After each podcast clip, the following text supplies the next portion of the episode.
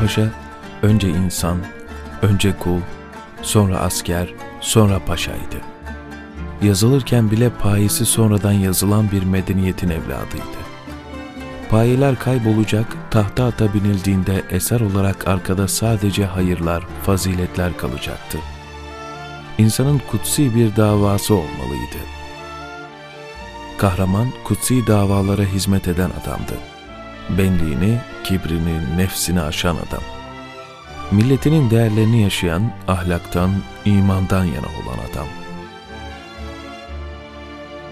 O da yiğitliğin cephede değil, ondan çok daha evvel dimalarda ve yüreklerde olduğunun farkındaydı.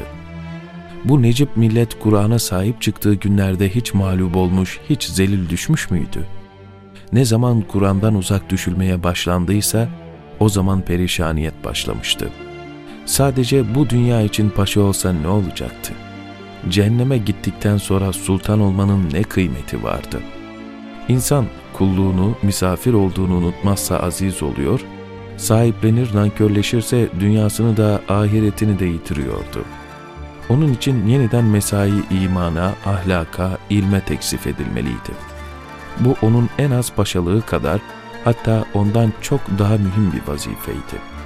İnşallah Seyda bu teklifini kabul eder, o da ahiret yurduna böyle bir azıkla giderdi. Seyda, Enver Paşa'nın talebini ne tam kabul etti ne de tam reddetti. Ama onun gönlünü hoşnut etti.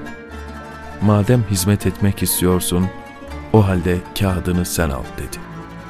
Enver Paşa Seyda'yı uğurlarken fevkalade mesrurdu. Onunla geçen saniyeleri, dakikaları nurlanıyor, onunla birlikteyken adeta sonsuzluktan soluk alıyordu. Manevi bir kapının bu kadarcık bir kabulü de kabuldü. Reddedilmemekti. Fakat paşa kararlıydı. Ne kadar tok gözlü olursa olsun ona karşı yapması gerekeni yapmaktan geri kalmayacaktı. O günden sonra Abdurrahman ve Müküslü Hamza İşaretül İcaz'ın basımına yoğunlaştı matbaayı, dizgiyi, kapağı Seyda ile istişare ederek kararlaştırdı. Tasihler yapıldı, hazırlıklar tamamlandı. Seyda okuyanları büyüleyen, Kur'an'a ait esrarı deren o muhteşem eserin hazırlanıp taze bir ekmek sıcaklığıyla eline ulaşacağı günü beklemeye başladı. Kur'an'ın sönmez ve söndürülmez bir güneş olduğunu onunla gösterecek, küfrün ve tuğyanın fırtınalarına metin bir zırh ve gala çekecek, imanları sarsılan, başını taştan taşa vuran avarelerin imdadına koşacaktı. Ümitleri güldürecekti o. Enver Paşa Seyda'yı uğurladıktan sonra boş durmadı. Devrin kudretli paşası, İslam'ın istişare meclisi hükmündeki Darül Hikmetül İslamiye'ye Seyda'nın aza olarak tayin edilmesi için görüşmeler yaptı. Zaten Darül Hikmet de yeni yeni teşekkül ediyordu.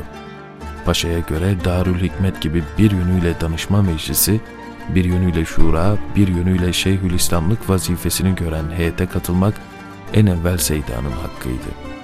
Bu vazifeye en layık insanlardan birisi olarak onu gördüğü için Seyda'ya sormamış, rızasını almamıştı.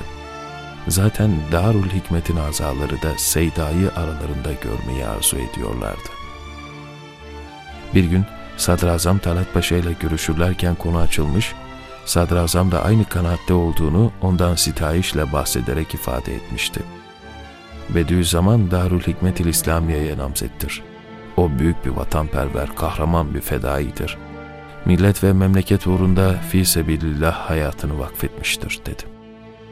Onun yaptığı şeyleri karşılık beklemeksizin yaptığının herkes farkındaydı. O bir maneviyat fedaisi, o kayboldukça kazanan bir mahviyet eriydi.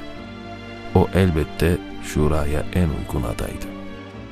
Enver Paşa gerekli görüşmeleri yaptıktan sonra Seyda ile aralarındaki dostluğa ve sevgiye güvenerek gıyabında Darül Hikmet'e kurucu üye olarak yazdırdı Seyda'yı. Seyda incelerden inceydi. Hatıra, hatıraya, iyi niyete çok önem verirdi. Enver Paşa'nın halis niyetini, yardım etmek arzusunu biliyordu. İstememesine rağmen hayır diyemedi.